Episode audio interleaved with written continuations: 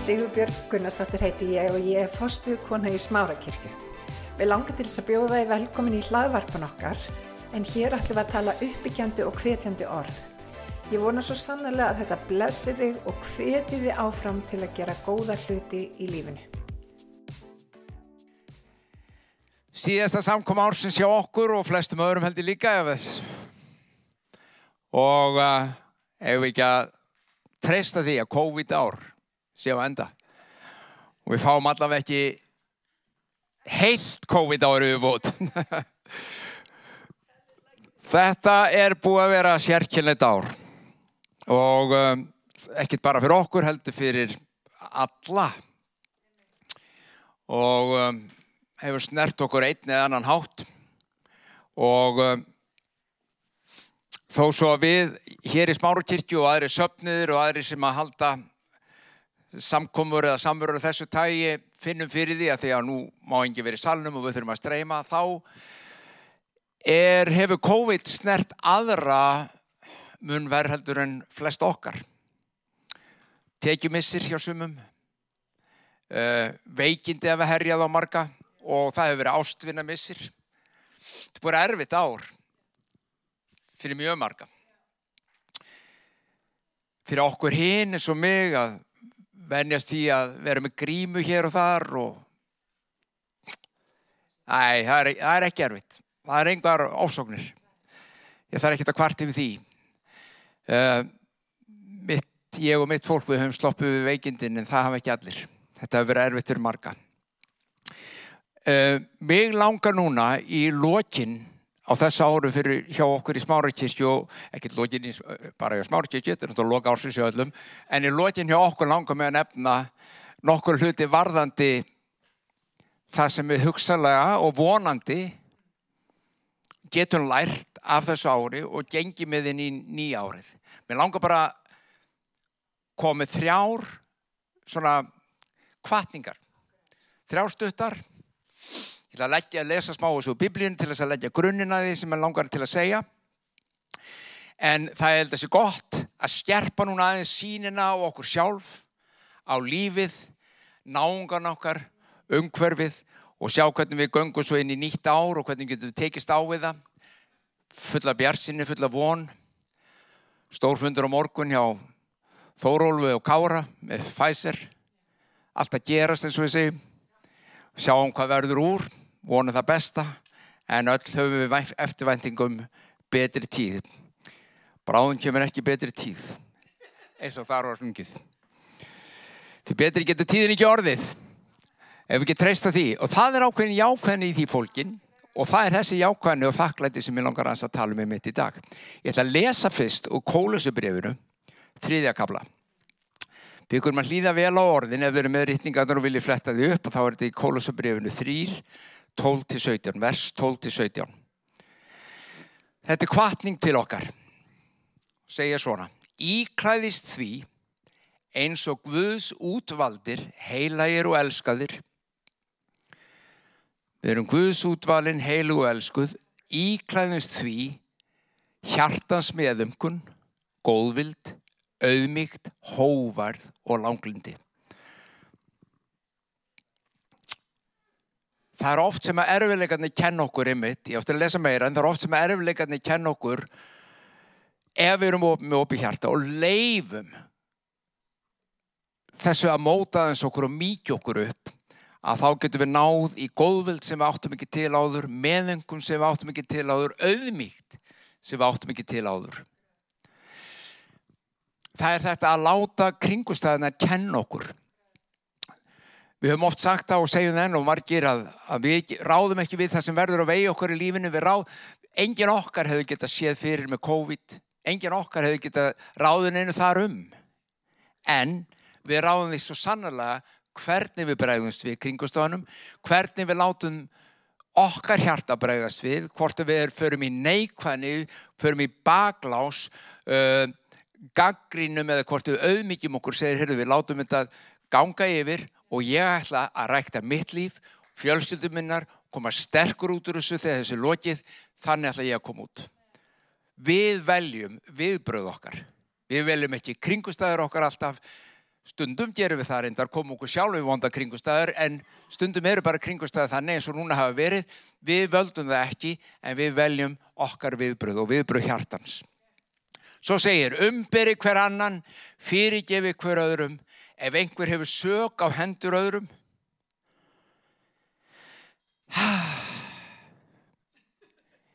Ég geti verið fram yfir áramót bara á þessu, þessu efni.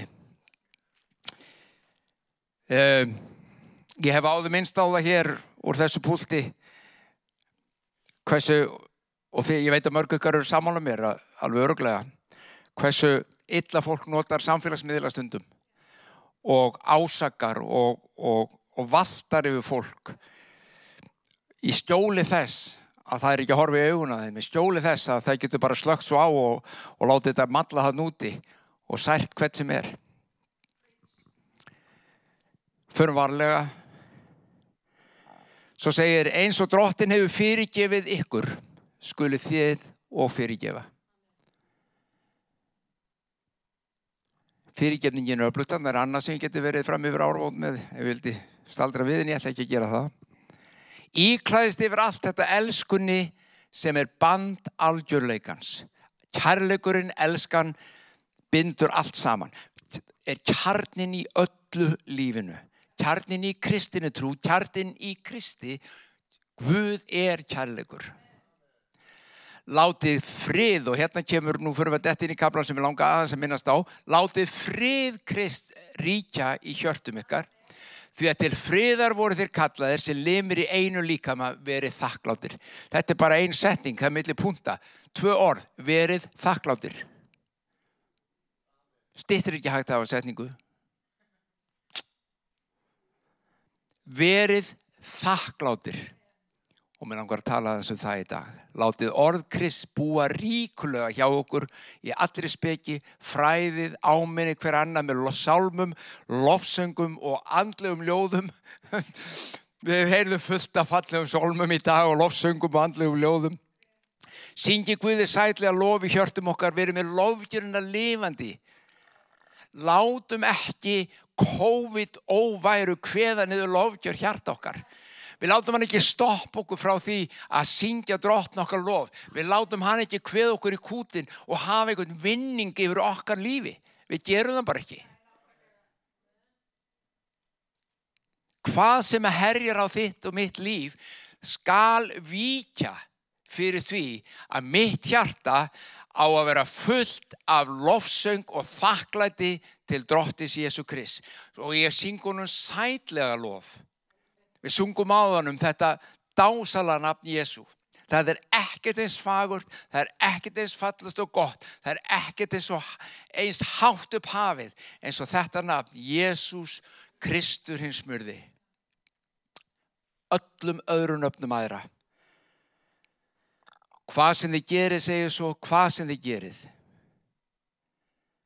Í orði eða verki, gjör það allt í nafni drottis Jésu, svo kemur aftur og þakkið Guði fyrir hann. Í lok ársins er okkur heilbritt og gott að staldraðs við og segja og spurja okkur, hvað er ég í þessu? Núna eftir svona rostu samt ár, eftir ár sem er allt öðru sér heldur en að flest okkar hafa nokkuð tíma að lifað. Hvar er ég stattur? Hvar er lofsöngurinn í hjarta mínu? Hvar er friðurinn í hjarta mínu? Er órói? Er, er ég á þeim stað að óróin er það mikill að hann er fyrir að trubla líf mitt? Eða næja frið, næja róa, næja láta lofsöngins dvelja sætlega í hjarta mínu. Því það er friðurinn sem hann gefur. Og ég ætla að nefna þrend, örstuðt, um það sem hann getur hjálpað okkur að halda þessum frið og sigri yfir kringustæðunum. Sama hvað herjar að, ef eitthvað að herja á hugaðinn, ef eitthvað er að herja á líkamaðinn, fjölskyldurinn þína, ef það er COVID, hvaða er sem er að ónáða þig, hvaða er sem er að valda þér ófriði.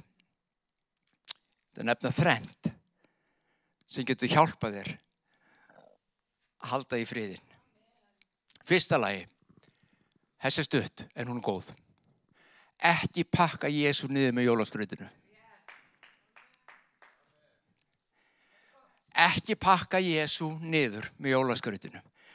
Við nefnilega notum jólin ofta og það er gaman, jólin eru indislegu tími og við gleðjum saman sem fjölskyldu, við borðum góða mat og við syngjum söngva og við förum jafnvel í messu, hugsið ykkur. Og við rifjum upp jólaguðspjallið, um fæðungi Jésu og við sjáum fyrir okkur eitt augnablík allavega flest okkar, Jésu og eitthvað svona lítið batt sem fæðist í jötu. Mér sé bakkal út og syngur um það. Frábara lög þegar bakkal út mörg hver. Jólasöngvarnir allir syngjum það. Eða flestir. Svo klárast jólinn skrautið þetta hangir uppi og, og fjall, minningin um Jésu, hún svona fjarlæðis bara þegar við komum fram á áramótum þá er eitthvað allt annað í gangi, flugveldur og svona. Og svo kemur bara sjötti, þrettandin, jólum búinn og þá eru margi sem að missa Jésu úr lífið sínu. Það litla sem byrtist á honum í jólaháttíðina fer. Ég segi við þig, ekki pakka honum niður en leiðu pakkar jólaskrautinu. Leiðu honum að vera. Leiðu honum að dvelja áfram í lífiðinu leiðu honum að dvelja áfram inn í janúar inn í februar, inn í mars og út árið. Fram á næstu jólum, sjá hvað gerist. Og ræktaðu það ræktaðu myndina kallaðu það fram því að Jésús ekki bara gefur frið hann er friður þinn ennur áskorun eða kvartning verður þakkláttur Það hefur verið sagt að þakklæti sé göfugasta form hugsunar sem maðurinn getur framkallað í huga sér. Aðeins á göfugasta það er þakklæti. Þakklæti er hamingjan sjálf. Þakklæti er eitthvað sem við lásum, þá kom í þessum lilla kapla sem ég laði það, kom tvissusunum fram, verið þakklátt. Það hangir sama við að láta friðin ríki hjarta sínu þetta styrkin koma fram það er að vera þakklátur í hjarta. Og þú hugsa bara kannski með þeir ég hef ekkert að vera þakklátur fyrir hvernig á ég óskupur um að vera þakklátur? Það gengur allt á afturfótunni á mér. Aha. Og mér liði bölvanlega. Aha það er eins með þakklæti eins og nánast allt sem við ætlum að gera að hlutað okkar lífi það kallar á uh, ekki, ég ætla ekki að segja, ekki segja vinnu en það kallar á aðkveði atferðli eða vennur sem við temjum okkur. Endurtekningu sem að kemur verður að hluti af okkur og kalla fram breytingu ef að hugurðinn er neikvæður stöðulega og þú finnir þau vanlegar innra með þér stöðulega og þá við, við vitum alveg því ég er verið þar og þú er verið þar við, við skrifum það á ytri kringustæður við skrifum það á hvernig þessi var við mig, við skrifum það á hvernig mér líður, við skrifum, það, skrifum það á það að líka minn er ekki lægi hugum minn er ekki lægi, fjölskyldunum minn er ekki lægi, efnahagum minn er ekki lægi við skrifum það á þessa hluti. Þetta eru kringustæðinar en ég segi þér þú ert ekki kringustæðinar þú ert ekki það sem er að gerast. Þú ert ekki einu sinni taktunum vel eftir líkamöðin þú býrð í líkamöðinum líkamöðin er musturinn þitt. Þú sjálfur þú sjálf ríkir þið innra þú situr þar og þú einn, þú einn getur tekið stjórn á þínum hugsunum og þínu viðbröðum við það hvernig þú bregst við það sem við gætum hugsaðar að kalla ránglæti. Allavega því sem er að eðalikja líf okkar, skemma okkur, þvælast fyrir okkur. Svo við þurfum að fara og ef að hugurinn er fastur í hjólfari neikvæðinar eða umkvörtunar og möglunar vegna kringustæðina, þá er það vegna þess að það er það sem þú hefur tamið þér. Takk eftir. Ég er ekki að segja að það sé eitthvað óeðlileg viðbröð að mögla og kvarta þessi við kringustna. Ég er ekki að segja það. Ég er bara að segja það að ef þú ert fastur í því fari, þá er það vegna að þú ert búin að temja þér þessi viðbröð. Og þú þarf að umbreyta viðbröðum þínum að þannig að komi í þakklæti. Og þú segir, já, ég hef ekkert. Jú, þú hefur ímislegt til að vera þakkláttu fyrir. Takktu einföld skref. Þú getur til dæmi sagt, hvaða þrjá aðila, hvaða þrjár mannestjur Eh, hef ég geti verið þakkláttu fyrir. Og þú hugsaður, ég finn nú enga þrjár, kannski eina. Ok, finn þess einu. Finndu einn aðeila, tvo, þrjá, sem þú getur sagt, ég þakka Guði fyrir þetta fólk. Já, en ég trú ekki að Guð. Ok, þakka þá bara fyrir þetta fólk. Vertu þakkláttur, láttu þakklæti byrja að koma fram í lífiðinu þrjú atrið, það þarf ekki að vera fólk líka eitthvað þrjú, þrjá þætti lífsins getur þakka fyrir það og endur taktu það á hverjum degi einn kvartning ekki láta að líða þrjá mánu að þú finnir eitthvað nýtt.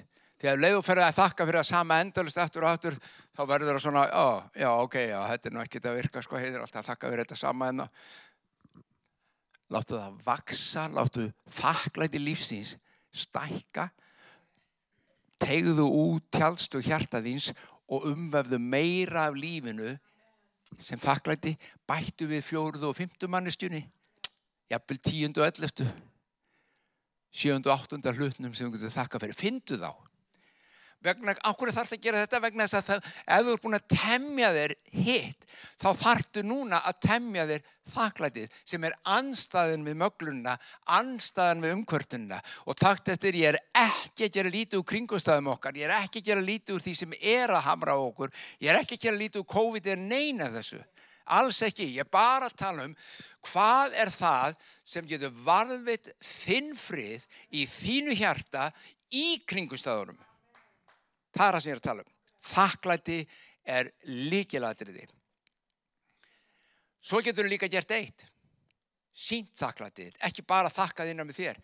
Þú getur farið til þessar aðalar sem ég voru að nefna á þann og sagt þeim, ég veist að ég er svo þakkláttu Guði fyrir það sem þú ert í mínu lífi. Ég hef svo þakkláttu fyrir það sem hún saði við mig um daginn. Ég er svo þakkláttu fyrir það að þú ert hluta lífið mér. Hvað, hvað, hvað, findu þetta bara, eitthvað, þú það er fullt, ég skal lofa þér í þegar þú fer að gá, það er svo mikið til að vera þakkláttu fyrir. Svo mikið. Eitt í viðbúð, þessi mikilvægur líka. Ekki gleyma sjálfu þér. Lítu líka í eigin barm, lítu líka á þig. Hvað er það í þínu lífi sem þú getur þakka fyrir Ertu góð mamma? Ertu góð sýstir?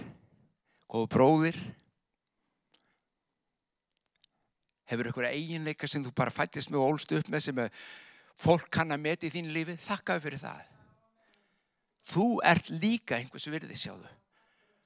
Þitt líf skiptir máli fyrir svo marga. Þannig að þegar leið og þú ert að þakka fyrir þessi skiptir máli fyrir þig, þá getur líka þakka það að þú í þínum veikleika skiptir líka máli fyrir mjög marga í kringu þig. Og þau eru kannski að þakka fyrir þig, veistu það?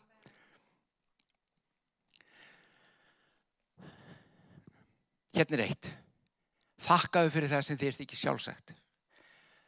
Það sem við um að vennjast dagstaglega verður oft það sem við teljum sjálfsagðan hlut.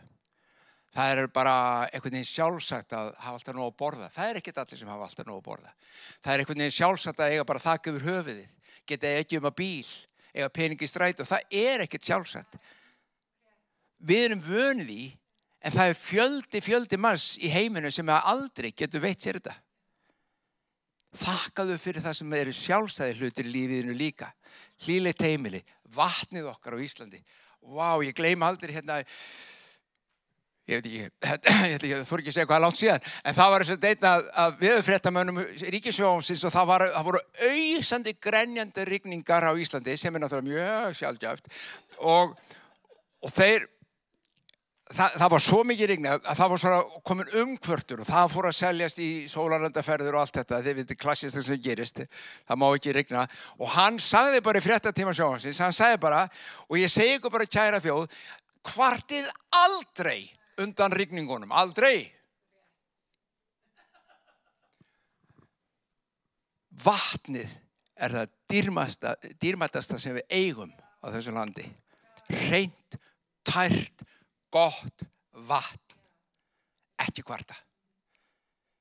Ég fikk alveg bara nýja sín á lífið. Það má regna alveg eins mikið fyrir mér eins og vill bara. Þú veist, vatn er dásanlegt.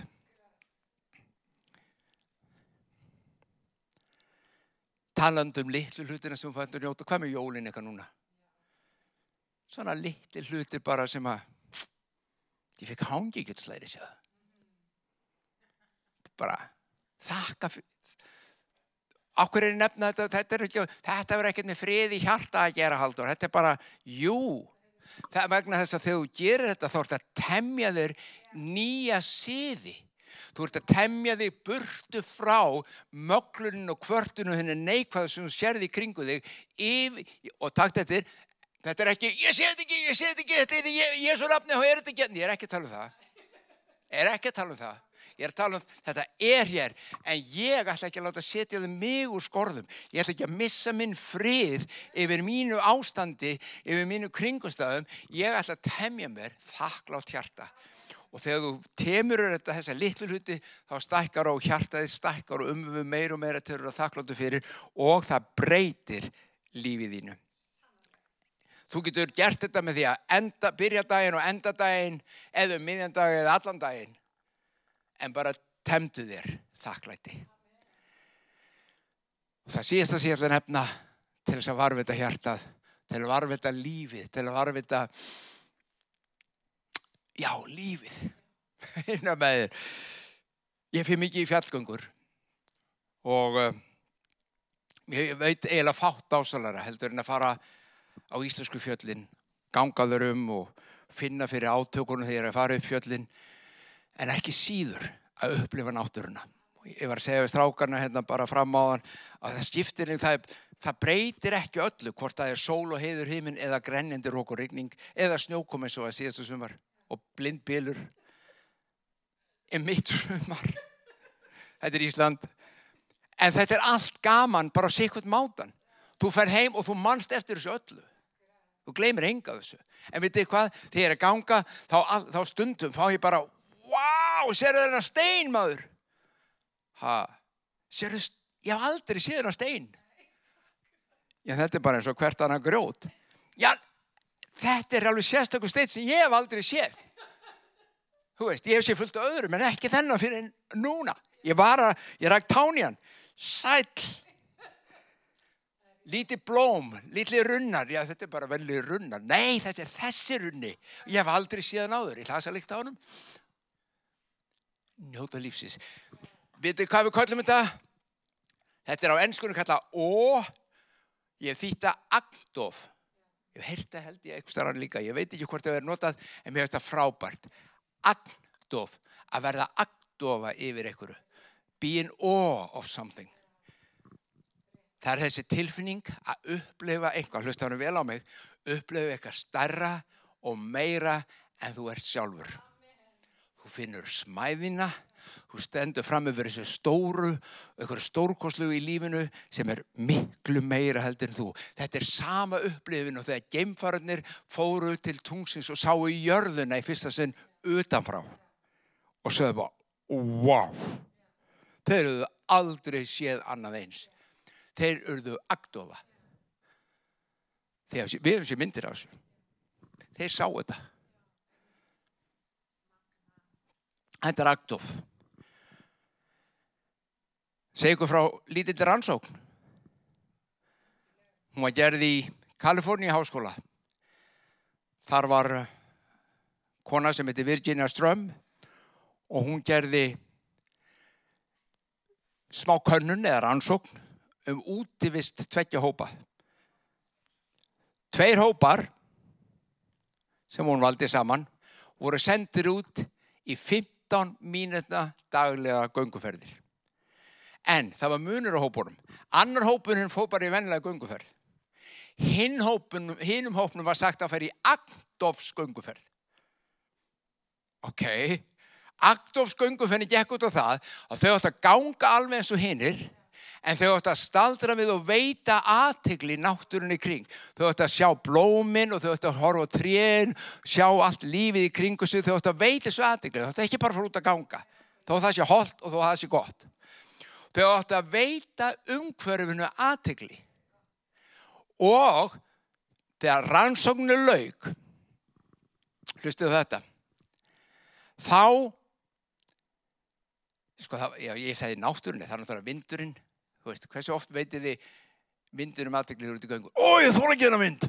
Já. Það, við yfirleitt förum við í neikvæður hlutur að þetta er leiðilegt viður, ég ætla að fara inn í en ennig ekki göngun núna. Veitum aðteklið því góða í öll í kringum okkur. Jafnvel þó að sé stormur, sjáðu. Hugsa um eitthvað jákvæmt um stormin. Þegar voru beðnum að gera allt þetta, mátti ekki gleyma því. Þegar þau niðurstöðnum voru teknað saman, þá kemur í ljós að hópurinn sem fór í Adolfsgöngunar var minna stressaður, var gladari með lífið, svaf betur, losnaði við stress sem að hinn gangan dögði ekki til til að hjálpa Adolfslaus á hópnu með. Þannig að bara það að veita lífinu aðtegli breytti lífsgæðum þeirra. Ég segi, þú getur náð í þetta líka. Veittu lífinu aðtegli. Þar, það er allt, jú það er gaman að fara á þingull, það er fullt af aktofu á þingullum, en þú þart þess ekki. Þú getur farið bara út heima þaður. Gengið um og fundið eitthvað til þess að vera aktofi. Ó, sérðu lífið í þessu. Sérðu þetta, sérðu hitt og svo framvegs. Það hjálpar okkur að setja okkur sjálf í rétt samengi við umheiminn. Þú og ég erum hluti af lífinu öllu. Við lifum ekki sem eiga eða eiland eitt og sér. Við höfum áhrif á umhverju okkar og umhverju hefur áhrif á okkur. Og ef við leifum jákvæðni umhverfisins, sjáum við fallega, sjáum við góða, sjáum sköpununa, hvað sem við gerum eða segjum eða framkvæmum, gerum við Guði til dýrðar með þakklæti í hjartað til hans fyrir alltaf fallega og góða sem að hann hefur gefið okkur og gert. Og friður Kris mun ríkja í hjörtun þínum. Þetta er praktisk leið, elsku vinnur, til að ganga inn í frið. Inn í frið, mitt í erfiðum kringumstæðum, svo ég hveti loka orð mín á þessu samkomi hér á þessu ári í smári kirkju. Láttu aktof ná tökum á þér og þakklæti Guðus ríkja í hjörtum þínum. Þannig að friður hans fá að koma inn og dvelja þar. Við skulum byggja. Fæði minn við þokkum fyrir það að við megum lítið í orðið, við megum Dróttum við skoða hvað það er sem að þú kvetur okkur með og árangur þess og ávöxt þess að, að vera þakkláttur. Dróttum við þú lofar friðið þínum í okkar hjörtu, í öllum kringumstæðum. Breytir engu hvað kringumstæður eru við, getum valið að láta Krist frið dvelja innan með okkur. Og við þökkum fyrir það, dróttum minn. Og ég byrð fyrir hverjum einu sem var að hlusta að það möttu sjá og stilja að þú hefur það sem til þarf. Þú hefur allt það sem hver einstaklingu þarf til að lifa í ró, yfirvögun, gleði og hamingju og með frið þinn innan með sér. Ég byrð um blessun þín ef við hvern og eitt dróttir minn. Núna þessu ári ég byrð fyrir hverjum einum og fjölskyldunum dróttir minn inn í nýtt ár. Að með í 2021 vera blessunaríkt ár í alla staði. Við þakkuðu dróttum við getum treystir og beðið þig um að, að COVID-veiran hún vítja brottdróttin en hún verið sigruð og smátt og smátt gangum við inn í veirulust, allavega kórun og veirulust á dróttum minn. Þakka fyrir það að þú ert okkar herra, þú ert okkar dróttin. Meirinn alla kringustöður. Mér langar að bjóða þér ef þú vilt byggja með mér og byggja bara um að hafa eftir mér þessi bæn. Ég skal byggja fyrst og ef þú getur byggðið upp átt og gerur það, ef ekki þá byggður bara í hljóði. Himniski faðir, ég vil þakka þér og ég vil þakka þér fyrir þetta ár. Þrátt fyrir COVID, þrátt fyrir erfileika, þá vil ég þakka þér. Ég vil þakka fyrir fjölskyldu mína. Ég vil þakka þér fyrir börni mín, magamenn, þakka fyrir vinnuna mína og þakka fyrir drottinni ég má treysta þér. Jábel þó að sé marg sem skortir. Þakka drottin fyrir hugun þína. Drottin kendu mér að þakka. Ég opna hjarta mitt fyrir þér og byrði velkomin inn. Drottin snertu hjarta mitt, breyttu lífi mínu, fylgtu með friðið þínum. Í Jésu nafni. Amen. Takk elsku vinnir. Gleðilegt ár. Njótið og við sjáumst á nýja ári. Kannski á miðugudagin eða höfum tíma í fræslukvöldin en allavega á nýja ári. Guð geim ykkur öll. Ég hveti til þess að stilla inn á okkur með reglum hætti því að hér verður alltaf eitthvað nýtt á nálinni. Takk fyrir að hlusta.